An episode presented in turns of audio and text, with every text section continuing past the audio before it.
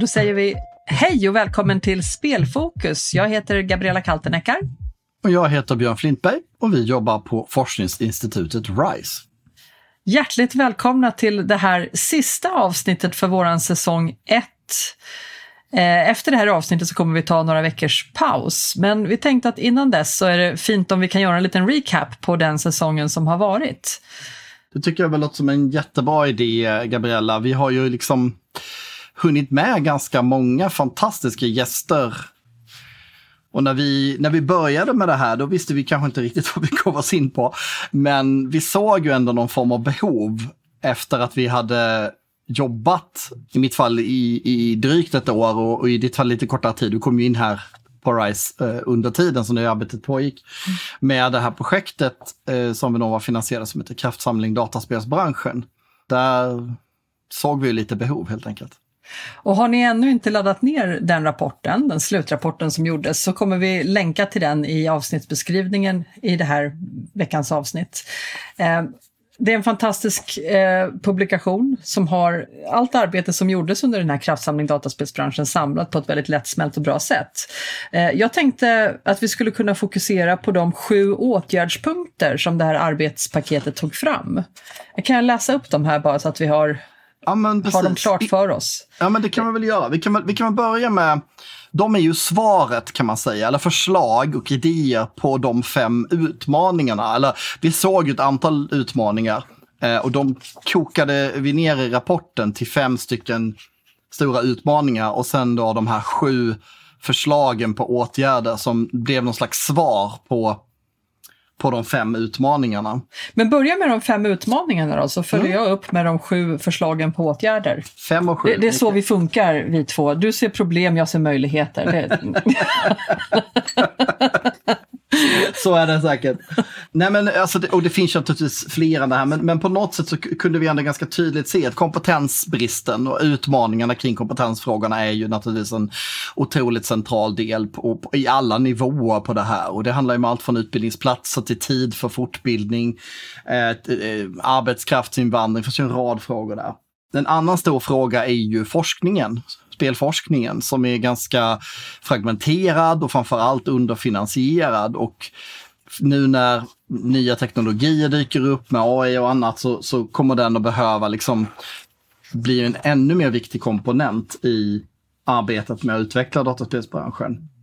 Det tredje området kallar vi för resurser för branschutveckling och det handlar ju om att mycket av den utveckling som faktiskt har skett och, och det var en av de stora slutsatserna i det här projektet då, eh, sker på lokal och regional nivå. Det görs ett fantastiskt arbete i olika regioner, kommuner och grupper av kommuner med att liksom utveckla den lokala och regionala dataspelsbranschen. Men den saknas en nationell strukturell satsning som kan hålla över tid, eh, lite som man har i Finland på ett annat sätt. Och sen finns det också en del systemutmaningar som är kopplade kanske till lagstiftning eller policy och praxis och så vidare. Och det är där eh, arbetskraftsinvandringen kanske är en av de som toppar eh, listan där och det är inte unikt för den här branschen. Eh, men det finns andra också som handlar om exportregelverk eller regelverk för att kunna få stöd eller hur, hur finansieringsmodeller ser ut på, på ett sätt som gör att det kan vara svårt för dataspelsindustrin att att komma in. Um, innovationsbegreppet diskuteras och sådana saker. Men det som kanske blev den femte och den sista utmaningen som vi kom fram till kanske lite grann blir en, ja, om det är hönan eller ägget ska jag låta vara osagt, men en slags rotorsak ändå. Det är branschens acceptans och legitimitet kallar vi den. Mm. Och det handlar om att dataspelsbranschen i likhet med ganska många andra digitalt drivna tjänstebaserade branscher eh, där man tar fram produkter som helt och hållet distribueras, säljs och konsumeras online och som dessutom då till stor del kommer ur eh, underhållningsbranschen och nöjesbranschen så att säga, har svårt att, att få gehör för att man samtidigt är en oerhört central del av svensk näringslivs export. Man ses inte som en på samma sätt som eh, ett, eh, gruvindustrin eller fordonsindustrin så att säga. Utan eh, hamnar lite i, i skymundan där. Och på samma sätt hamnar man i skymundan på, på kulturområdet, för spel är ju också kultur. Och det här upplever vi i alla fall, och det här skulle vi verkligen vilja forska mer på, eh, upplever vi genomsyrar mycket av av systemen i Sverige. På myndigheter och när det ska göras utlysningar eller när man ska tävla i en utlysning mot andra branscher eller andra aktörer eller när man ska fatta beslut om lokala satsningar så att säga. Så blir det kanske lite för lätt att, att avfärda dataspelsindustrin som ja, ja, men det, det är det där mina barn håller på med. Mm. Eh, och det där är ju ett problem när man inte har den förståelsen för att ja, det är kul med spel. Men det är också någonting som har ett stort kulturellt värde. Det är också någonting som har en enorm eh, impact som näring, bara i egen kraft, men också som vi försöker lyfta fram då på, på RISE inte minst, att det har också otroligt stor potential för industriell omställning i andra branscher. Och massor med saker som skulle kunna hända där. Och den, det är en sån där lite svår punkt att fånga. Vi kanske ska göra eh, kopplingen här också. Du och jag jobbar ju på en enhet inom prototypande samhälle på RISE. Mm. Eh, Vår enhet heter livslångt lärande och, och, och, det är kanske inte helt självklart för alla varför just vi jobbar med spelbranschen. Mm. Men du, sa, du, sa, du nämnde begreppet lek där, det är leksaker. Eh, som en tidigare arbetskollega till mig ofta sa, vi gör leksaker. Mm. Och, och, vad gör man med leksaker? Vad gör man med lek? Jo, men man lär sig saker. Det, mm. vi, vi, vet per forskning, vi vet per observation att vi lär oss genom att leka. Eh, och, och, att den samhällsfunktionen inte är inkopplad på det i större mån än vad vi är just nu. Nej, kan ju. ju kanske bli lite problematiskt om vi inte liksom också utnyttjar kraften i lekandet. Nej. Nej men så är det ju. Och, på rätt sätt. Och spel har ju den förmågan att det är ju både ett lustfyllt lärande och det vet vi från forskning att, att lustfyllt och engagerat lärande är effektivare än icke lustfyllt och icke engagerat lärande. Det är svårt att tvinga någon att lära sig. Och dessutom så är det så att spel har en annan förmåga som inte alltid går att få ut på samma, samma effektivitet med andra metoder. Och det är när vi pratar om komplexa frågor, svåra saker. Jag hade en diskussion med en kollega för några månader sedan om avancerad stads och regionplanering. Du vet, man ska rita upp kartan för var man ska borra nästa tunnel under under mm. älven i Göteborg till exempel. Eh, då kan spel och simulatorer på olika sätt vara ett otroligt intressant verktyg. Och det är väl en av anledningarna till att VR som teknologi har liksom seglat upp lite mm. de senaste åren. Så att spel har många möjligheter att, att både utforska kreativt men också på ett innovativt sätt liksom vara ett stöd i lärande och förståelse för komplexa sammanhang. Utöver att det då också ofta är väldigt engagerande när man har så att säga direkt lärande genom spelen. Projektet löpte ju ungefär ett år, eller hur? Mm. Mm. Och det var ungefär 90 deltagare i det nätverket då som kallades för Power Up eller Kraftsamling dataspelsbranschen. Mm. Eh, och arbetet i det här projektet har ju liksom förstgått genom att man har intervjuat branschorganisationer och aktörer i branschen och studerat rapporter och den data som man har samlat eh, via dataspelsbranschen. Då. Och de åtgärder som ni har kommit fram till är ju då nummer ett, att det behövs en nationell strategi för dataspelsindustrin. Mm. Varför behövs det, Björn? Jo, men det går tillbaks till det här jag nämnde tidigare, att vi har bra satsningar lokalt och regionalt och även om de skulle må bra av, av större och längre projekt så saknar vi den här nationella helheten. Och vi tittar ju på det här i Sverige inom andra områden. Livsmedelssektorn är ett sånt där område som de senaste 5-10 åren har, har lyckats komma dit här att man nu gör satsningar på nationell nivå strukturerat. Hur kan hela systemet stödja och maximera förutsättningarna? Det är ju också precis det som jag studerar nu i, i den avhandlingen som jag precis har börjat jobba på. Eh, handlar just om de här strukturerna för att möjliggöra möjliggöra långsiktigt hållbar innovation. Och därför behövs det en nationell strategi att Sverige, inte bara Skövde eller Malmö eller Skellefteå, utan att Sverige säger vi behöver det här och vi behöver göra de här åtgärderna och att det sen kan sippra igenom till de myndigheter, till de organisationer och sen ner i regionerna där faktiska, mycket av det faktiska arbetet sker. Mm. Och det, det är faktiskt ett av de åtgärdsmålen som vi åtminstone har fått börja på i och med att vi nu jobbar i ett projekt som heter då Power Up, inspirerat av namnet på nätverket i förra projektet, mm. eh, som har som ett av sina mål att man ska eh, landa en rekommendation för en sån strategi, hur den borde byggas upp. Mm. Så att eh, det, och det ska det... vi vara tydliga med också, att Power Up-arbetet kommer ju att fortsätta eh, i år. Eh, där, där, vi med samma personer som har varit med i eh, det första projektet också kommer att delta i det andra, eller bli inbjudna till att delta, eh, samt en, en del nya aktörer också. Mm. Men, men du pratar mycket om innovation eh, och, och, det för oss ju till punkt två i det här åtgärdsförslagen och det är ett mm. förstärkt stöd för innovations och systemfrämjande åtgärder och samverkan. Nu är det väldigt mycket liksom, stora, fluffiga ord, men vad ja. betyder det egentligen, liksom, rent konkret? Nej, men ska, man vara, ska man vara riktigt konkret så handlar det om att det finns inte alltid pengar nog för att jobba med de här frågorna. Någon ska arbeta med att utveckla saker som behövs för bättre samverkan, för att få göra det här systemet mer hållbart. Eh, och de personerna behöver liksom hitta en finansiering någonstans och det sker ganska sporadiskt och fläckvis och man hittar någon utlysning här och någon utlysning där. Och problemet med det är att man får en slags projektlapptäcke med små korta projekt som ska leverera vart och ett sina mål. Men den här helhetsbildningen går väldigt ofta förlorad. Och, och vi ser ju då, vi, vi highlightar några specifika områden. Och det är ju dels stöd till de minsta bolagen vid uppstart. Jämställdhet och inkluderingsfrågor är en annan sån.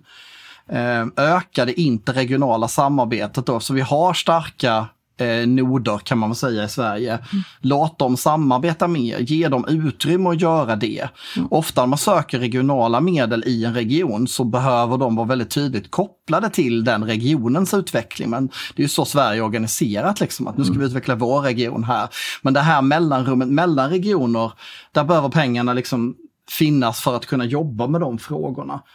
Uh, och sen vet jag att det finns också från, från branschhåll en stark önskan om att Sverige ska ta ett större grepp kring de internationella frågorna, positionera oss. Vi har ju ett väldigt gott rykte internationellt, men använder vi verkligen oss av det fullt ut? Drar vi tillräckligt stor nytta av det? Det är frågan. Så det är väl det som ryms under den här punkten, att liksom omvandla strategin till någonting konkret. Och där, där har vi pratat väldigt mycket med våra olika kunskapsbanker runt om i Sverige under den här säsongen. Vi har pratat med Johanna Nylander på dataspelsbranschen, med Per Strömbäck, också dataspelsbranschen. Vi har pratat med Vinnova om innovationsstödet och systemet i Sverige och även med inkubatorsprogrammen. Det är väldigt lätt att man får argumentet som vi har hört i den här säsongen att men vadå, dataspelsbranschen tjänar ju pengar som gräs, varför behöver de statligt stöd? Det har man ju ganska ofta. Mm. Men, men problemet är då att det finns flera problem med det eh, resonemanget. För att jag menar, det, gruvindustrin och fordonsindustrin tjänar också ganska bra med pengar och det behövs ändå stöd för att göra det. Därför att de pengarna landar i bolagen och inte i det som man brukar kalla främjande aktörerna, alltså ekosystemet runt omkring. Som ofta är en blandning av offentliga och privata aktörer. Och enskilda företag kan ju göra mindre insatser för just sitt företag, men då pratar vi om de största företagen. Och då måste man komma ihåg att 85-90% av alla bolag i spelindustrin består av färre än 10 anställda. De har ju absolut inga sådana här resurser. Så att ska man tänka helhet, ska man tänka hållbarhet, då behöver man också tänka att den finansieringen behöver liksom byggas upp. På samma sätt som Sverige under eh, hundra år har byggt upp stödstrukturer för verkstadsindustrin, för, för varvsindustrin när det begav sig, för eh, högteknologisk digitalisering, för biovetenskap och så vidare. På samma sätt behöver spelindustrin hitta ett ramverk för hur man jobbar tillsammans. Mm. Och den tredje punkten då som också tajar in lite grann i det här, knyter an lite grann till det här, är ju aktiva åtgärder för att minska kompetensbristen. Där har vi pratat med Future Games bland annat och vi har förstått från branschen att det råder en enorm kompetensbrist och att man, att man ser att det här försprånget som vi har på marknaden i Sverige är på väg att tappa. Mm.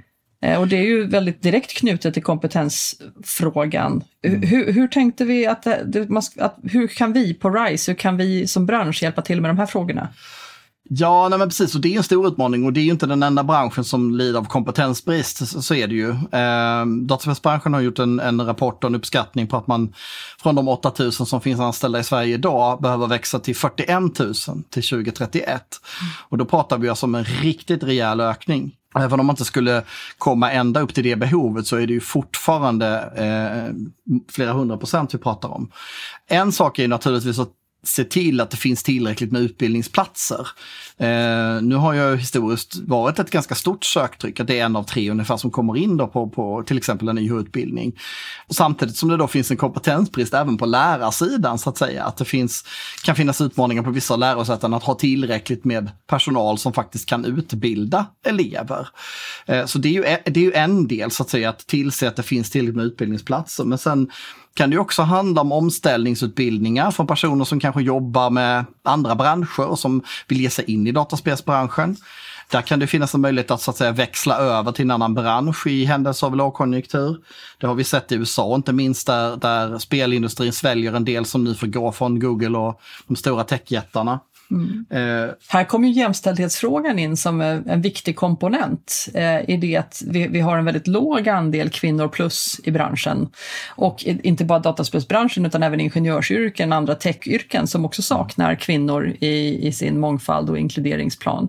Mm. Eh, där har vi ju en enorm potential Mm. Eh, om vi lyckas knäcka koden med att hur, hur, hur attraherar vi fler kvinnor plus till branschen? Hur skapar ja, vi en större mångfald?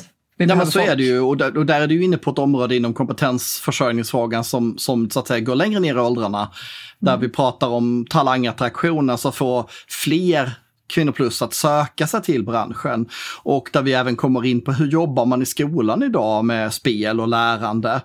Eh, där har vi ju haft eh, vår kollega Micke Kring som har pratat lite om, om eh, skola och lärande och hur man kan jobba med de frågorna. Och det de fantastiska för... arbete de gjorde på Årstaskolan med ja, sista det bossen. Var... Det, det, det, det, ska vi försöka återskapa nu för oss på, på RISE som vill lära oss Python.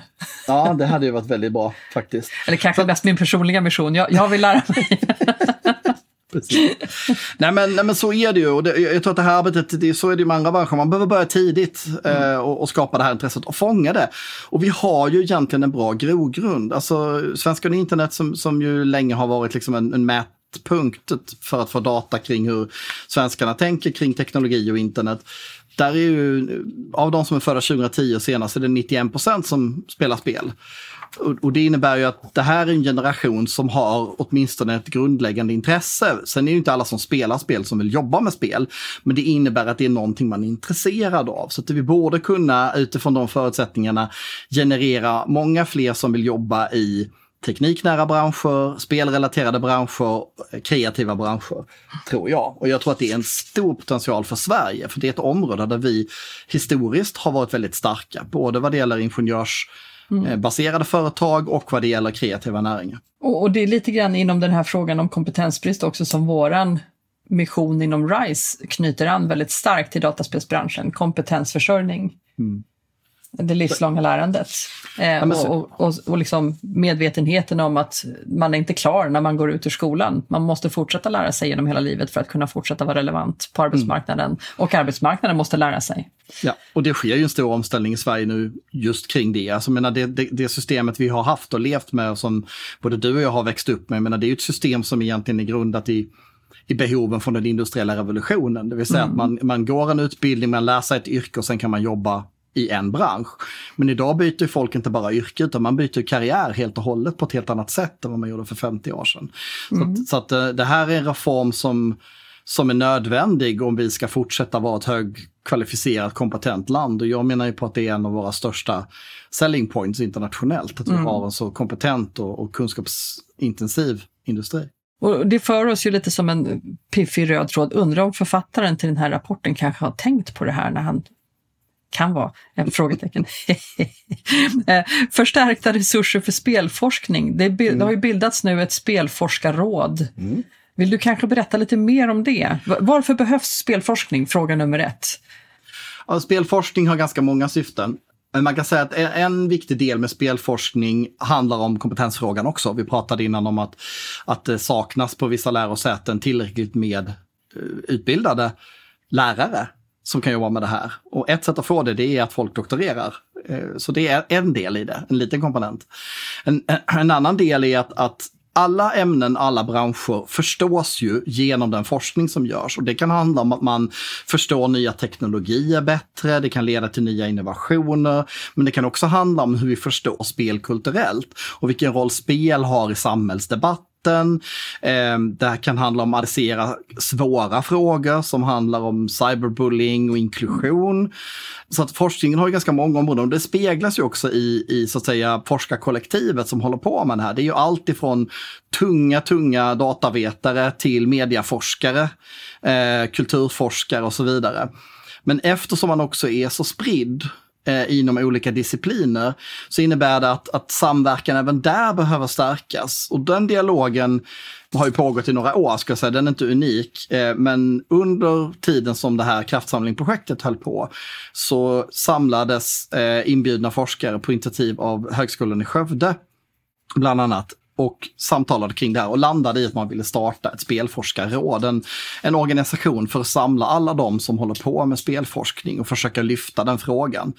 Därför att man har den här frågan som vi pratade om innan, legitimitet och acceptans. Det finns väldigt få utlysningar när det gäller forskningsmedel för spelforskning. Och, utan istället får man haka på andra grejer som man kan skjuta in lite spel i. Mm. Och det där är ju egentligen inte ett optimalt sätt att bedriva forskning på.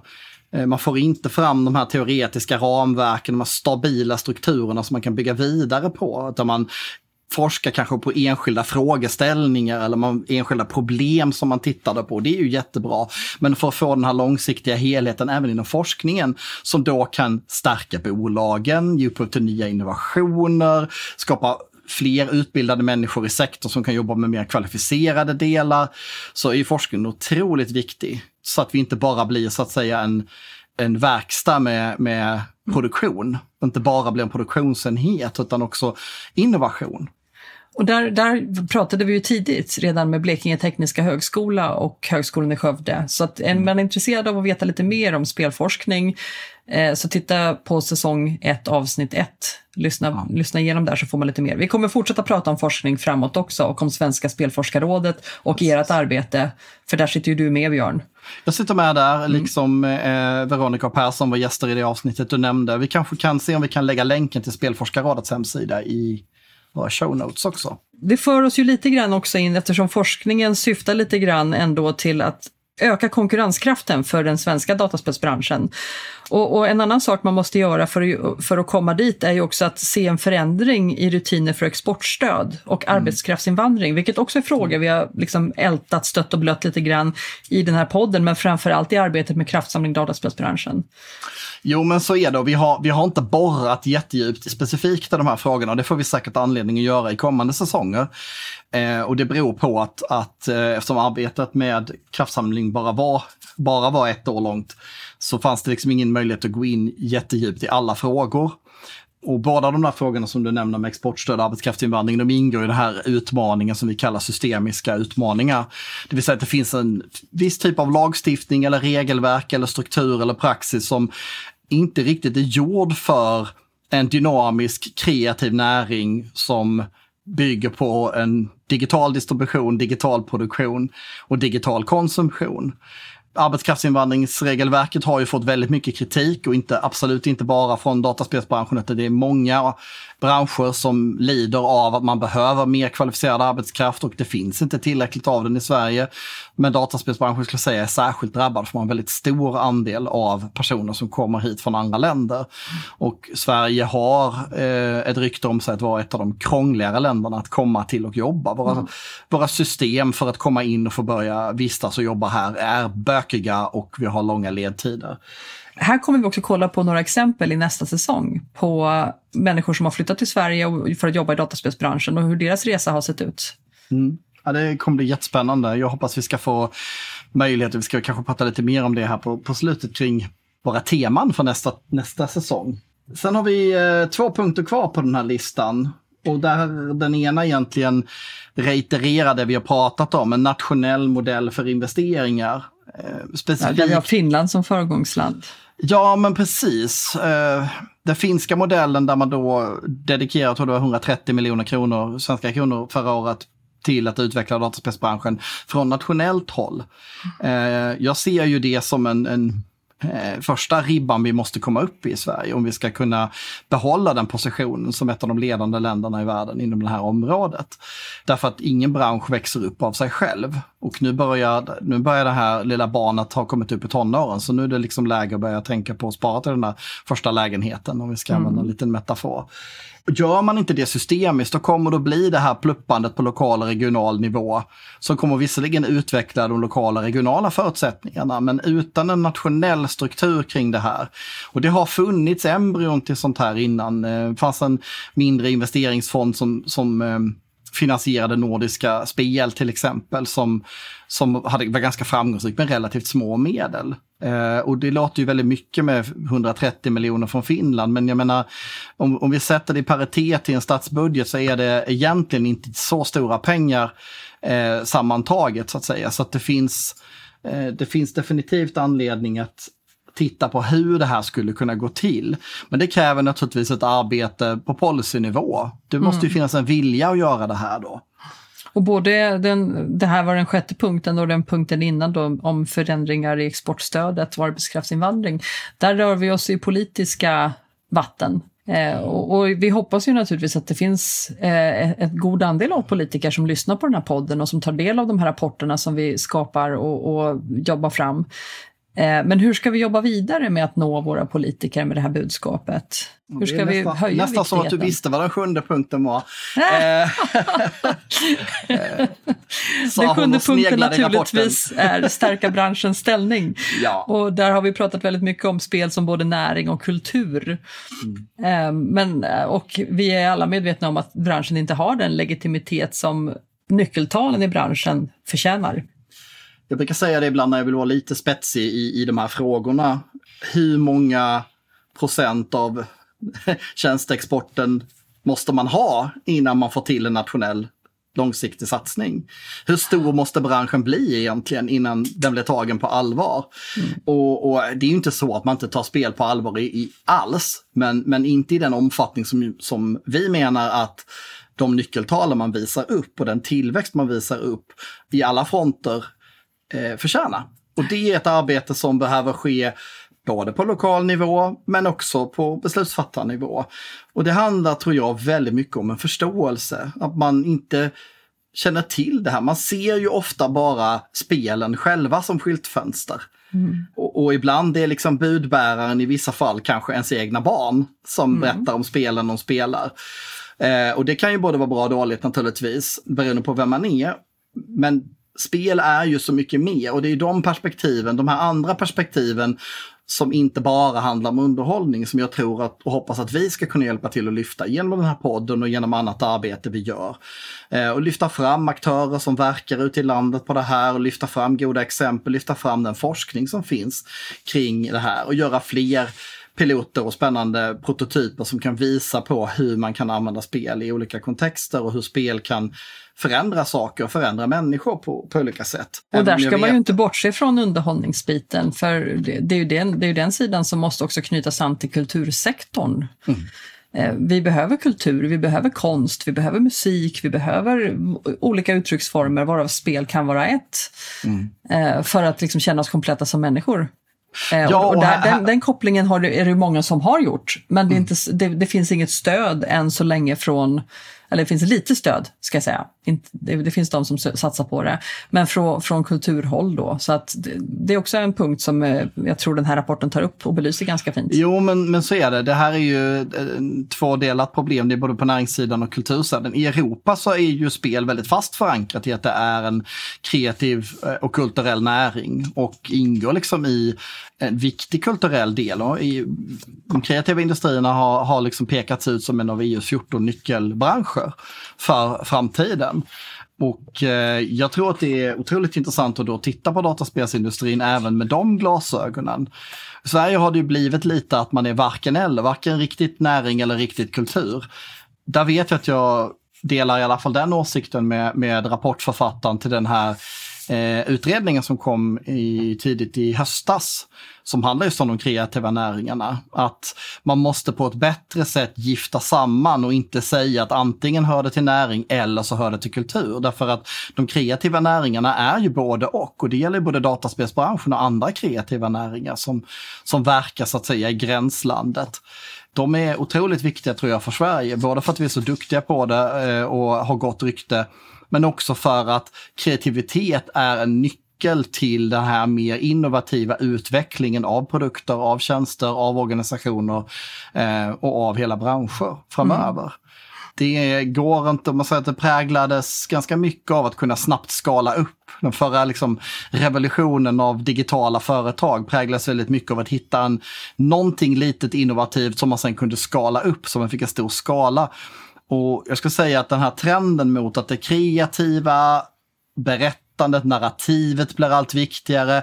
Alla de här bitarna ser vi en förflyttning liksom från att att det, bara har handlat om eh, siffror, ekonomi och effektivitet och skalning till att det räcker inte för att konkurrensen är så stor. Man måste sticka ut genom att vara unik, annorlunda, mer innovativ. Och där tror jag att eh, det finns väldigt mycket att hämta. Ja, men det håller jag absolut med om, Björn. Och det för oss ju lite grann in på nästa säsong och de teman som vi har tänkt. Dels så har vi ju sagoberättandet eller liksom storyberättandet då. Jag ser ju spel som en ny typ av sagoböcker på ett sätt. ja, Rollspel framför allt. Ja, ja, många precis. spelar ju det. Ehm, men vi har också teknologier Mm. Eh, som kommer från spel. Eh, vi, vi, vill fokusera eh, nästa säsong lite grann på AI och spel och hur AI kan användas. Vi vill också titta på lite personligheter och människor i branschen och höra lite röster från de som jobbar i branschen. Jo men precis, alltså, den här säsongen har ju präglats väldigt mycket av att den är sprungen ur kraftsamling-rapporten och det arbetet och då har det ju naturligt blivit ett fokus på, vad ska vi kalla det, strukturerna eh, Systemen runt, runt ja, branschen. System och strukturer ja. runt branschen.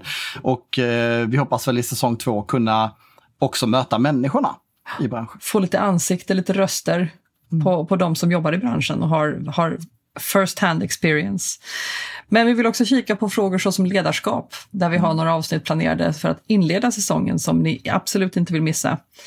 Och för att knyta an de två punkterna så blir det också lite grann spel som kulturform, community. Mm. Spel, är ju, spel är ju en ganska ovanlig form och det hänger ihop med att spel alltid är deltagardrivet. Om du startar ett spel, ditt älskade Skyrim, så händer det inte så jättemycket efter den första cutscenen om inte du gör någonting. Alltså spelaren måste alltid interagera med underhållningsprodukten. Men går du in i en teatersalong eller, eller så, så, så, blir du, så, så konsumerar du. Så att du har alltid en kollaborativ aspekt även i den enklaste formen av spel. Och i vissa spel så är du ju högsta grad medskapare där du kan bygga moddar och du kan liksom eh, göra virtuella kläder och prylar och grejer. Eh, så att spel har ju en otroligt starkt fokus på kollaboration, på att deltagarna är aktiva, inte bara att konsumera kultur, mm. utan också skapa. Eh, och det där är en förmåga som är otroligt intressant. Jag kan eh, garantera att skulle det gå till A-listan på börsen och säga att eh, det, fin det finns en företeelse som gör att en betydligt större andel av de anställda blir medskapare och inte bara utförare. Så jag tror att alla skulle vara ganska intresserade av att veta hur man gjorde för att komma dit här. Mm. Och jag ska säga att jag har inte alla svaren på hur det ska gå till. Men jag ser också och observerar fenomenet och vad som händer i spel med de som spelar spelen. Eh, och det är otroligt intressant ur den aspekten. Ehm, jag tänker också att nästa säsong kanske vi kan hoppa ner i den manuella världen lite mer och titta mm. på spel som lärandeform. Vi har en hel del initiativ som pågår just nu på RISE som vi skulle vilja lyfta och berätta om i den här podden. Så det kan hända att vi, vi plågar er lite grann med en, en eller annan kollega. Vi jobbar med sjukt mycket smarta människor, det är ju det. Man vill, man vill gärna lyfta lyfta de här insatserna. Eh, jag hade ju älskat att ha ett avsnitt till med, med Per Strömbäck på dataspelsbranschen där vi kan nörda ner oss lite rollspels strategi till exempel. Precis. Vi får se vad säsongen bjuder på. Ja, och du som lyssnar får väldigt gärna komma med ännu fler tips och input till vad ni skulle vilja att vi pratar om. Vilka frågor ni skulle vilja lyfta. Och är det så att ni har någon speciell punkt som ni skulle vilja prata om själva så by all means ta kontakt med oss. så kan det hända att ni får vara med i ett avsnitt av Spelfokus. Ja, det får ni verkligen göra. Det, det är ju trots allt för er lyssnare som, som vi vill att det här ska vara relevant. Även om det är alltid trevligt att sitta och prata med dig, Gabriella, eh, så finns det ju någon form av syfte med den här podden, förutom att vi ska få prata. Och det är ju för att ha en dialog med er som lyssnar på den här podden. Eh, men nu ska vi ta lite påskledigt, vi ska ta en liten paus. Ja. Och eh, ladda och eh, preppa upp kan man säga för nästa säsong och hinna spela in kanske något eller några avsnitt så att vi eh, är i fas. Ja. Så det finns gott om tid för dig att höra av dig till oss. Vi kommer tillbaka om eh, ja, eh, obestämt några veckor framåt ja. i tiden. Eh, och har du under den tiden frågor så är du alltid välkommen att höra av dig till oss. Men fram tills dess så vill vi tacka er som har lyssnat så hemskt mycket för att ni har spenderat er tid med att hänga med oss och hoppas att ni återkommer i säsong två. Tack snälla ni och tack Gabriella för att du gör den här podden med mig. Tack Björn. Ha det så bra. Ha det bra. Hej.